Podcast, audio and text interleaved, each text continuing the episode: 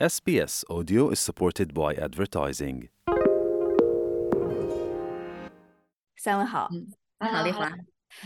这过了元旦又是新春啊，又要过年了。呃，我刚嗯才说到，就是哦好像跟我小的时候比，现在啊过年是钱越花越多了啊，但是这个年味儿却来越来越淡了。不知道你们是不是有一样的感觉？你们是什么样的感觉的？在澳洲过年吗？在澳洲过年好像年味儿一直很淡，所以你说的是对。也许刚刚过去的这个圣诞节可能可能更有代表性吧。你像 Boxing Day 二十六号就是那个大减价嘛，好像我听的就是周边的人已经越来越少，那么去抢了。以前看就是说 Boxing Day 那二十六号简直就是门口都排着队，然后那个商家的门一打开，大家都百米冲刺一样的冲进去。然后现在这个这个情况也已经没有了，就是还是人可能会很多，但也没有了。但是过年的话，你如果要说的是大陆的情况，那可能又是一回事儿吧。但是在我不知道墨西哥的华人过年怎么过，反正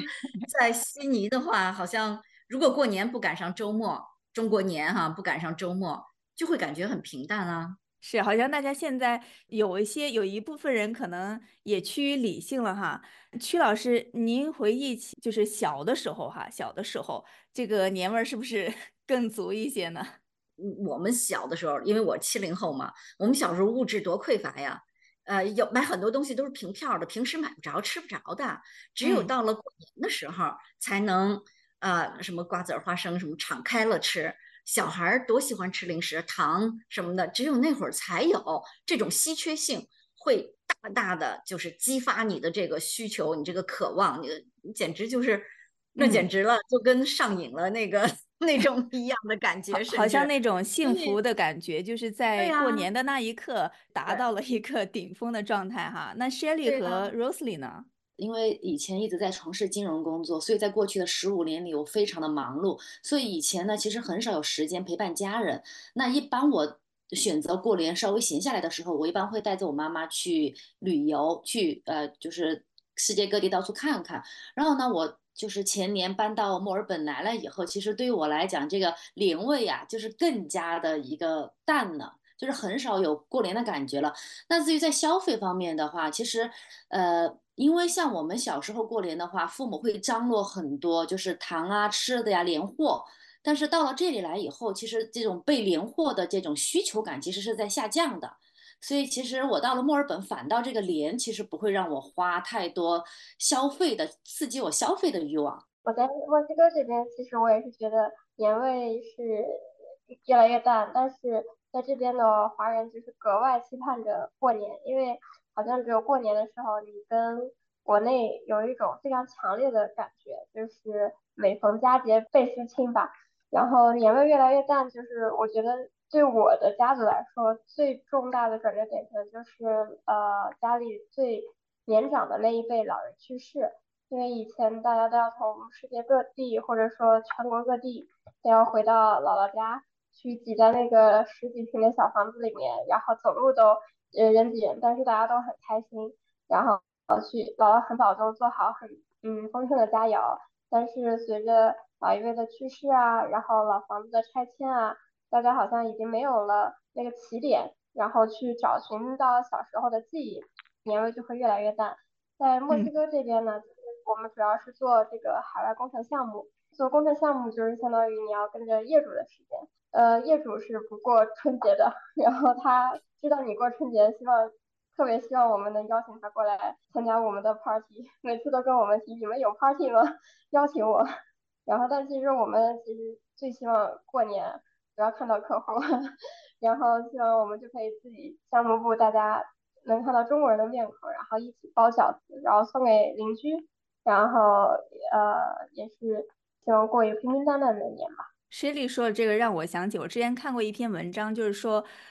为什么说现在年味儿越来越淡了呢？就是很多现在商家嘛，我们看过年的时候那，就比如说就是大年三十吧，中国很多商家他是开店的，在此之前可能是大家都回家过年嘛，跟亲人，就好像雪莉刚刚说到的，跟这个家里面的长辈啊，然后这个亲戚朋友大家一起聚哈。但是现在可能很多人在过年这段时间还是选择该营业的营业，该开门的开门，然后然后大家忙着去赚钱了，是不是？呃，感觉这个也是给年味儿越来越淡，还是造成了这样的一个影响哈？我觉得这你要看哪个城市吧。嗯你像要是北京的话，过年那几天其实大街是空的，什么哪哪都不堵了。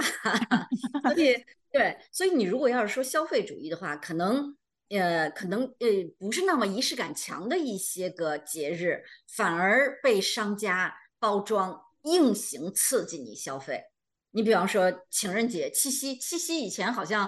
嗯没有什么那个是那个什么什么中国情人节因为或者什么的，对吧？所以呢，现在等于我觉得，我觉得你要是从消费主义来说的话，恐怕像七夕呀、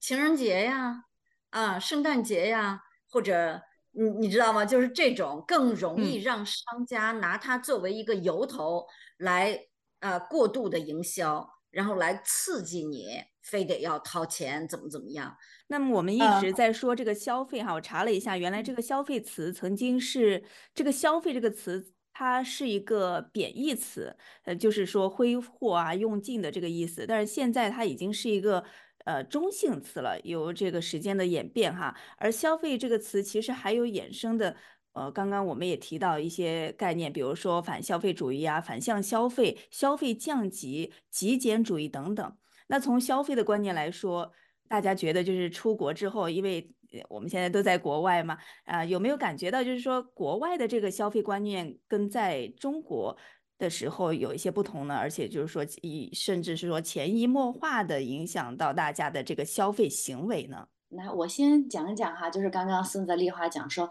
呃，大家对最开始对消费这个词是会有一些贬义，但是其实消费在经济学的角度来讲的话，它其实是一个产品生产过程当中结束以后的一个最后的一个环节，而且是最重要的一个环节。那呃，其实你看哈，叫中国经常会讲一句话，就是我们在刺激。中国经济的三驾马车当中，消费、出口和投资，那消费是排第一的。因为其实就消费本身来讲的话，它对经济就是一个国家或一个地区的经济的刺激作用和贡献作用是最大的。是高于投资的，高于出口。那大家也知道，在疫情以后，中国的出口是严重下滑的。所以其实，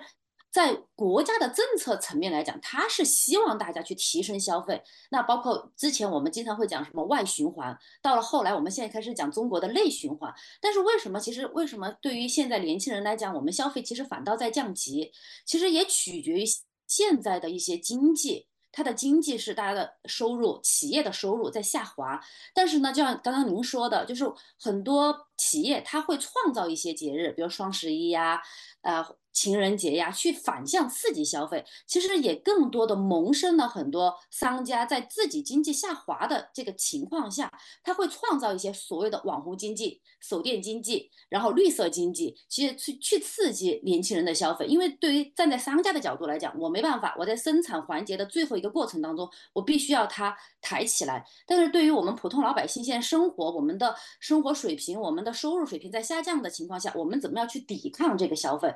所以我就觉得“消费”这个词呢，就是看在什么样的经济周期里，在你是什么样的这个角色下，你去怎么去做这个消费的事儿。所以我觉得这是我想要跟大家分享的。嗯，Rosely，你来到澳洲之后，你觉得澳洲这边的这个消费观念跟你在中国，就是在中国的时候的消费观念是一样的吗？其实消费观念，我觉得对于站在商家的角度来讲，全球都一样。但就我本身个人而言来讲，哈，我自己是有很大的变化的。嗯那因为我以前在就是国内的时候，我可能有很多社交场所的需求，我可能有一些就是商务圈子的需求，我可能还会有一些陪伴商家去营造我们所谓的，你大家还记不记得前段时间我们经常会讲说，秋冬天的第一杯奶茶，年轻白领女性。他们的第一个就是什么？年轻白领女性踏入职场的第一个奢侈品包，那这些都是我们商家给大家的这消费冠上了人生意义的概念。但是其实我到了澳洲以后，我发现这种人生意义的概念，其实到了澳洲我不太需要了。就我没有太多的社交场合去需要，我要买几件晚礼服，我要买几个奢侈品包，可能也没有太多需要我要去营造一些人生意义的点。但是呢，我我到澳洲，其实那你说有没有产生一些新的需求？肯定也有。比如说我到澳洲，我可能更喜欢户外运动了，我没有在以前国内那么忙了，那可能就会变成我去关注。户外运动品牌它的一些消费，但是整体来讲，我觉得在澳洲的生活相对是很简单的，所以其实对我的消费的这个就是刺激的作用明显会减小。当然，我也是一个很精于就去规划自己财务的人，所以像就前两天跨年以后，我做的第一件事情就是我把我啊去年二零二三年的所有消费记录拉出来看，哎，我的衣食住行、演出娱乐。的部分，那比如说我在用于购买衣服这个的消费，可能占到我去年的百分之十，那我就算哦，这那相对来讲，这个是跟我过去相比，用数据来说话，跟我过去相比，我的消费是在降级了。Rosalie 讲到这个人生意义哈，其实要有我我们那个这个消费其实就是花钱买什么东西嘛，很简单，consume 对吗？就是 consume，饿了吃饭。冷了穿衣，但是呢，我为什么要买那么多件衣服？我春我我春夏秋冬四季，一年四季每一季有那么三套五套，是不是就够了？但是我为什么要买三十套五十套？那这个已经变成了从基本需求到，比方说社交需求，我需要别需要融入别人，别人都穿的什么样，我在办公室里都穿什么样，我穿另一个样，我可能就太格格不入了。对吗？我有社交需求，我有自我呈现和自我满足的需求。我希望别人高看我一眼，啊，我穿的可能让别人觉得，哦，通过你的衣服来定你的身价，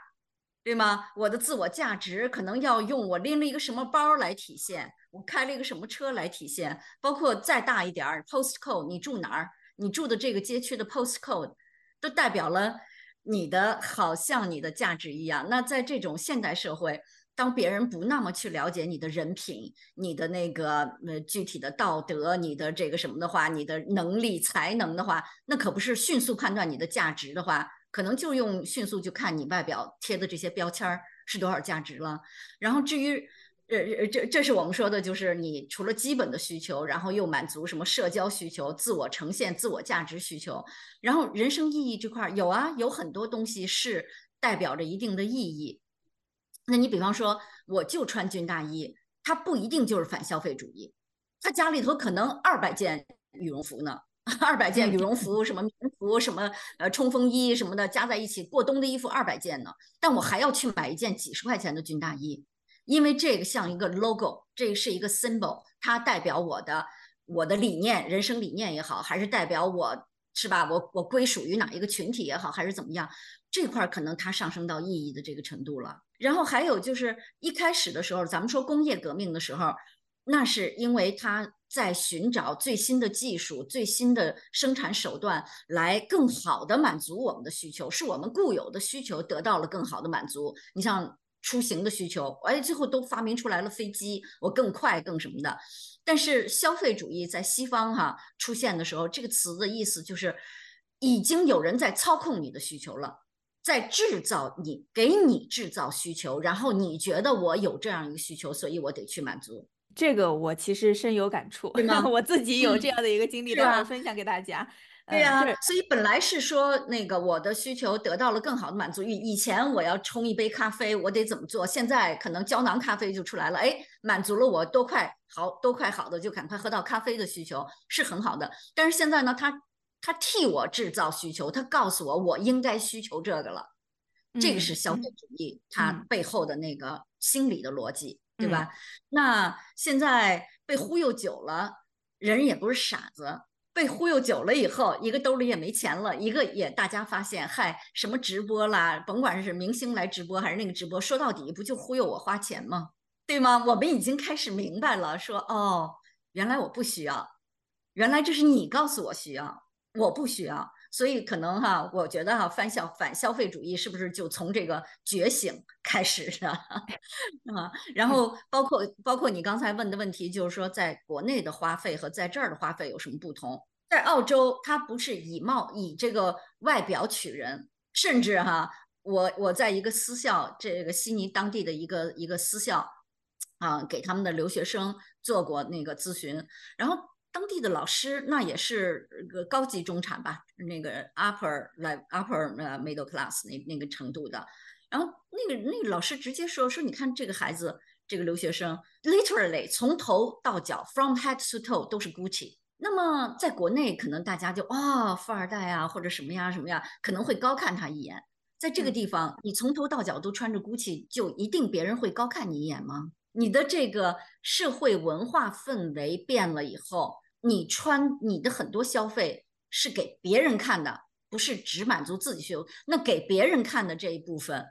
国内的人看是什么？他怎么解读？和这边的人怎么看、怎么解读，那这一部分就绝对不一样。所以你国内的消费和和这个澳洲这块的消费，它在这一个部分上一定是不同的。嗯，那这边的本地人就穿着裤衩、短袖衫，然后提了这提了这一双拖鞋，然后就去海滩了。我在这边有一个感受，就是说这边因为是多元文化嘛。就是各个族裔的，大家就是平时你走在街上哈，穿什么各式各样的都有，好像你穿什么，人民人们好像不是那么 care，就是说你可以 任意的穿，大家也不会说什么。但是在中国，如果是你穿了一个奇装异服的话，这个回头率肯定是 百分之两百了，或者是大家甚至还要好点儿。但是呢，要说你穿的这东西三五块钱啊，我大学教授，我们大学里头有一个教授就去 Kmart。买那个五块钱、十块钱的衣服，他家孩子、他自己、他太太，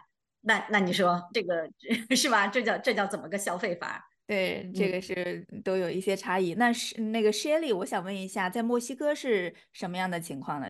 呃，我觉得他这边可能离美国比较近，然后呃，可能也是跟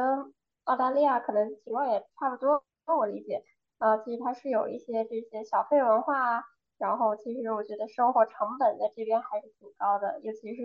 要考虑到墨西哥当地的一个安全问题，然后可能住房、然后出行都其实生活成本挺高的。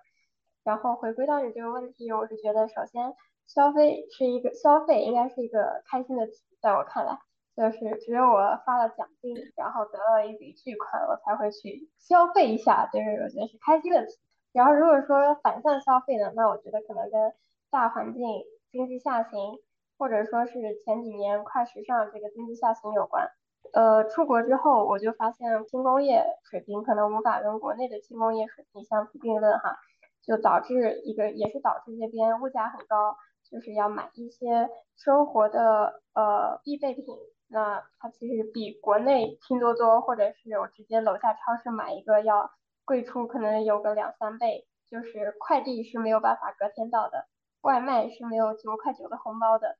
购物是没有满减的，然后久而久之可能就会习惯，再到国内的生活可能就会觉得国内真幸福吧。那当地人的消费习惯你有注意到吗？当地人其实我觉得他这个工资还是不是很高的，他贫富差距蛮大的。呃，他如果是受过教育，然后其实。墨西哥虽然离美国很近，但是呃，英语并不是他的官方语言。他有大部分的人，就是最普通的老百姓都不会说英语，也没有受过大学教育。所以说，在这边要找到你如果受过教育、会讲英语、读过大学，其实你就已经相当于在在走进那个精英阶级了。不然，一般我们跟当地人沟通，呃，保洁啊、门卫啊，然后呃，一般公司的。就是运营人员，他其实都是讲西班牙语，就他这个消费主要是，呃，一个是工资低吧，他就导致他没有存储的这个能力，然后再一个就是生活成本确实比较高，属于有一分钱就行一分钱的乐，我是这么理解的。在澳洲，我还有一个感觉是什么呢？华人可能还是有这个储蓄的习惯哈。呃，我感觉这边的澳洲本地人，其实很多人他们是没有这个储蓄的这个习惯的哈，就是感觉就是活在当下，然后有多少花多少啊。不知道这个看你的物质丰富不丰富。你比方说在那个嗯，hunter and gathering 这会儿，对吧？hunting and gathering 这会儿是原始部落的时候，大自然那么丰富的呃吃的喝的，谁储存啊？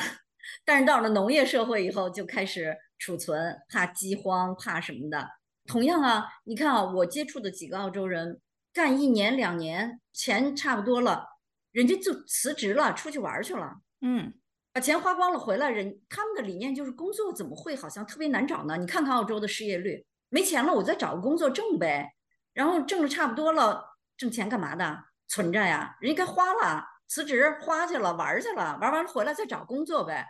只有这种特别苦差的这些个中国人，觉得我要是失了业，我再也找不着工作了。我要是失业，就就怎么怎么样了，那他才要储存备荒年，对不对？你像我们那个，大概这都是十八年、二十年前了。我们心理学统计上就是有一个呃重生活中重大事件，因为呢给你带来的压力、带来的 distress 这些东西，我们要看这些不同的事件，可能那个分值不一样。失业，他们排在十几名以后，大概是十二三、十三四才是失业带来的痛苦。嗯，你问一个大陆的中国人，失业排在几？他不存钱，背着荒年，等什么呢？对吗？这个确实是。崔老师，就是您提到说，就是说这个消费的呃影响的因素有这个什么社交需求啊，包括 Rosely 提到的这个工作场合的这个需要哈。那除了呃，这些会影响到人们消费的观念和行为之外，您觉得还有哪些因素会构成影响呢？嗯，首先你兜里的钱满足足 够不够吧？然后对，然后呃这么说吧，嗯，基本的生理需求就像刚才我们说的，饿了要吃，渴了要喝，是吧？冷了要穿啊，基本的生理需求其实温饱吧，或者说应该就是。没有什么可可说的啦，对吧？你你你实在太饿了，你麦当劳也是一顿，对吧？你那个一一盘寿司也是一顿，那这个是每一个人为自己的生存的，那自尊和这个自我价值的需求，那可就不好说了。那有的人是吧？那个为什么为什么平明明不是那个消费的阶层，非要拎一个奢侈品包？人家说买得起马才配得起鞍，这倒好，根本没有马，拎个鞍。干嘛自个儿是马呀？都想不明白，就觉得拎了个包，好像自尊就出来了，自我价值就出来了。所以有的人是为了自尊、自我价值去消费，然后人家再忽悠你一下，说你这个人生第一件奢侈品如何如何，就被忽悠去了，脑子就发热了。然后呢，还有第三一个就是社交需求，就是哎，我跟别人是不是我要呃跟风？啊，这表示我是属于这个群体的，别人都穿这个，别人都吃这个，我是不是也得吃这个、穿这个？啊，我声明我只去星巴克，我不去一般的什么什么，这这本身是不是就代表了你的一个啊群体归属，对吗？或者呢，也有的人就拉风，这也是一种凸在在社交中的凸凸显自我。你们都穿羽绒服，我偏穿一个军大衣，对吧？啊，这个也是一种就是在群体中我。和群体的关系，别人怎么样，我又怎么样？就是刚才我说的，我穿给别人看的，而不是穿给自己舒服还是怎么样的。然后，当然第四一个就是人生意义喽。你拿着这个，带着这个，可能就是代表你的什么理念啦，是吗？代表你的境界啦，啊，代表你支持什么啊？你这个宣扬什么？你环保，你你的人生理念环保主义的，那你的消费可能是怎么样的，对吗？你你可能就是吧？什么？你像我认识的还一个澳洲的本地人，好牛啊！家里头可能五六套房子呢，啊，蓝领，特别就是费是那个工资也很高的。哎，去那个二手店买衣服，你知道吧？Venice 或者是那个 Opshop 那种啊，去二手店买衣服。嗯，对，因为他认为要环保，他觉得现在别的人既然别的人浪费，他管不了别人，他管自己，他去二手店买衣服。澳洲这边就很多 op shop，还有这个 Red Cross 的这些二手店啊什么的，我看就是，而且买的人还很多哈。但中国中国好像是没有的，看不到的。中国有假货，但 A 货什么包？对，但是大家不愿意不愿意说，就是我感觉就是很多人是有一种心态，他们不愿意说就是别人穿过的东西，他们再去拿钱去买。那 Rosely 和 Shelly，你们觉得就是哪些具体的因素会影响到你们个人的这个消费倾向和决定呢？我先讲讲我的感受哈，就是因为从经济学或者从金融的角度来看，其实我觉得影响消费的因素，呃，我总结应该有五点。第一点的话，我是觉得对未来经济的信心。那大部分的老百姓，包括我在内，如果我能确定我每一年的收入是在增加的，那我的消费的这个激情、消费的热情和消费的实力。我可能会更多一些，所以我觉得对未来经济的信心是造成大部分人选择消费与否的一个因素之一，最重要的因素。第二的话，就是就我个人来来来讲的话，就是我是一个价格敏感度比较高的人，价格敏感度就体现于，比如说我对刚需产品，我的价格敏感度。那为为什么会在双十一的时候我会囤一些刚需消耗品，比如说我的纸巾、我的日用品，那我会在。有敏感打折的时候，我会去囤很多。但是对于比如说像奢侈品，或是像一种没有太多刚需用品的时候，它的价格的浮动，其实我没有那么敏感。所以我觉得第二点影响我消费的是应该是价格敏感度。第三点的话，我觉得就是刚刚像老师讲到的，我觉得，呃，消费还有一点很重要的就是悦己和及时行乐的过程。就如果说我今天心情不好，我我会作为女生来讲，我会选择去买买买。如果我今天心情很好，比如说我考试过了，我考试拿了一个高分，我也会选择我今天去吃大餐。其实这顿这顿大餐的消费可能也是。可以避免的，但是我就是愿意，所以我觉得对于年轻人来讲，这个悦己和及时行乐的过程也很重要。那第四点的话，就是从我们经济学和金融的角度来分析中国的经济，或者说现在是全球的经济来讲，现在的主力消费军大部分是九零后或零零后了，就已经不是我们七零后、八零后了，就更多的是呃零零后，他们的消费影响是受哪些人的影响？一定不是受他父母，他一定会受什么？他内心当中的那个偶像或者 KOL。比如说我很喜欢篮球，那我可能我的篮球明星最近穿了一个三六一度的一双运动鞋，我想去 follow 他。比如说我喜欢的偶像是周杰伦，周杰伦可能买了一个什么东西，那个帽子啊，我可能需需要去模仿他。所以我觉得现在，呃，作为消费主力军的零零后、九零后，他们会受到消费的影响，一定来源于他们的偶像和 KOL 的力量引导的。那也这也是为什么现在的商家很愿意推出。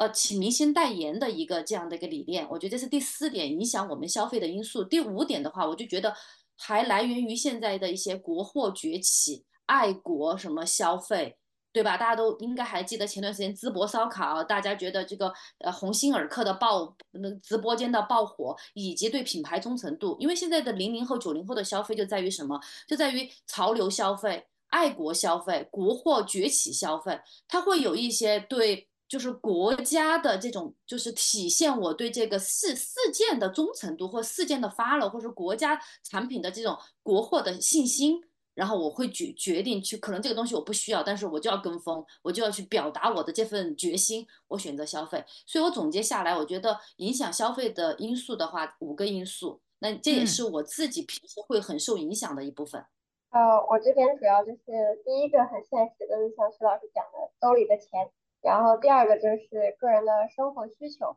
呃，个生工作需求，可能这边对外见客户可能需要有一个自己的职业着装要求。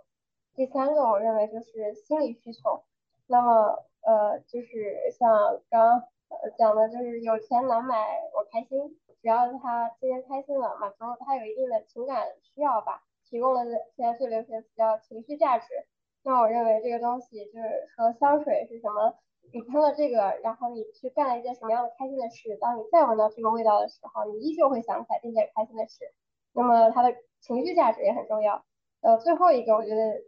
比较影响我的是这个的品牌故事。大家觉得这个品牌的故事，或者说这品牌的背景，它有一些特殊的地方，或者有一个很感人的地方，那么我也会在同等消费的情况下，会更倾向于选择另外一个产品。嗯，可能在大的几个。呃，影响消费的个因素的前提之下，有一些个体差异哈。就之前说的这个军大衣，就是零零后穿这个军大衣。那还有报道说，一些年轻人报名参加老年旅行团旅游哈，还有说到这个老年食堂实现吃饭自由，还有一些呢，这个年轻人到老年大学跟六零后一起呃上兴趣班啊等等。那有的网友说这是消费的一个降级，但是有的呢说是消费者不再。被消费主义绑架了哈。那那各位觉得这这个是年轻人在消费方面表现出的一种逆反的心理，还是说一种智商升级的变化呢？我是觉得因人而异哈，因为我们搞心理的一定是关注个体的，没有说大家一波蜂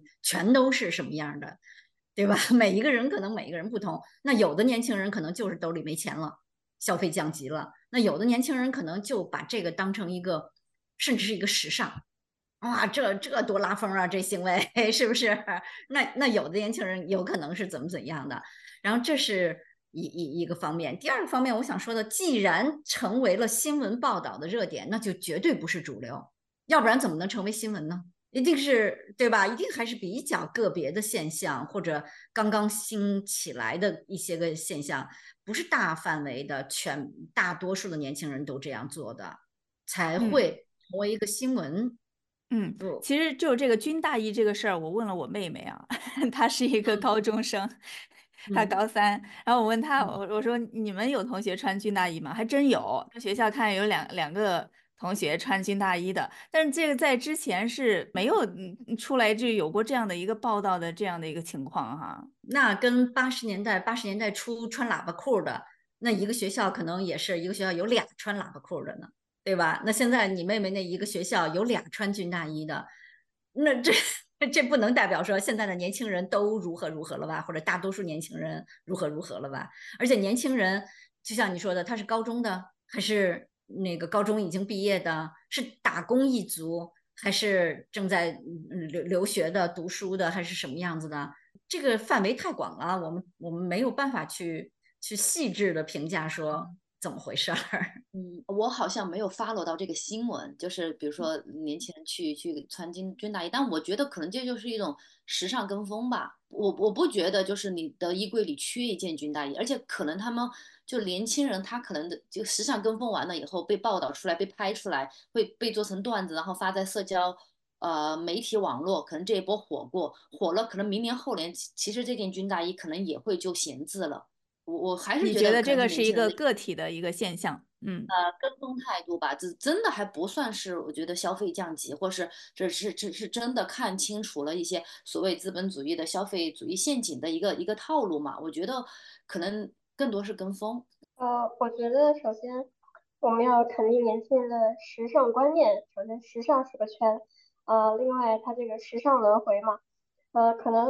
我们再过几年，军大衣就非常流行啊，很多人都觉得非常好看，又保暖又实在。我觉得是另一方面的，不再被消费主义绑架吧，更注重实用主义。然后我在网上看到了一些，就有一些年轻人他去探访一些现在很火的这个养老经济，还有养老社区，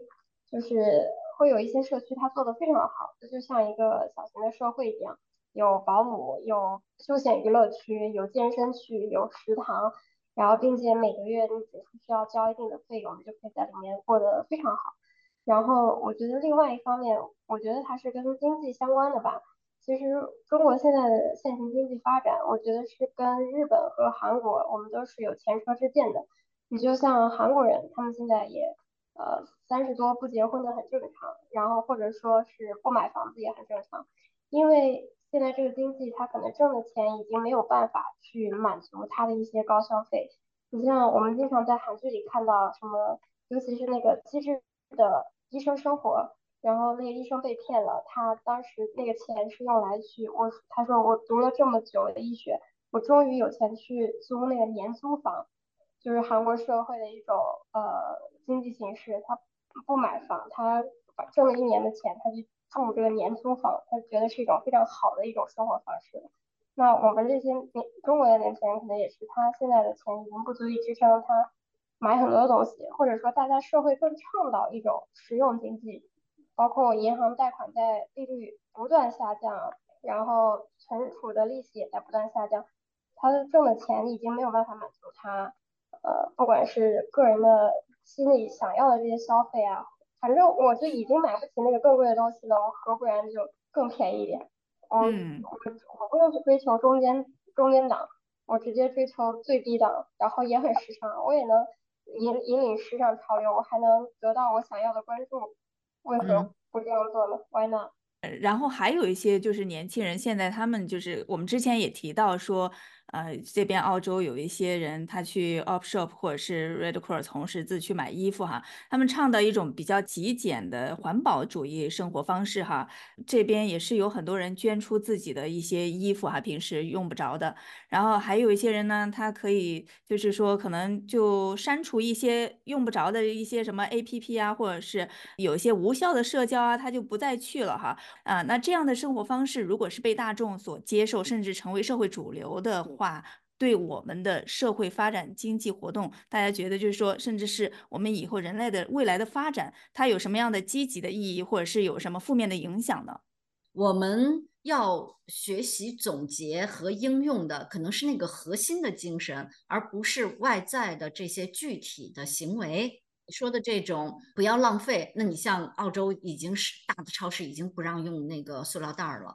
对吧？那那绿色绿色组织这个 Green，他们已经多少年了，一直倡导环保，一直倡导低碳生活，现在叫低碳嘛。我妈妈他们那一辈儿也是啊，我妈以前就是特别节约的，呃，整天喊着大家要节约，后来。呃，我们都嫌他太抠了，太节约了，然后他就说低碳生活，你们都要低碳生活，还学一新词儿。但是，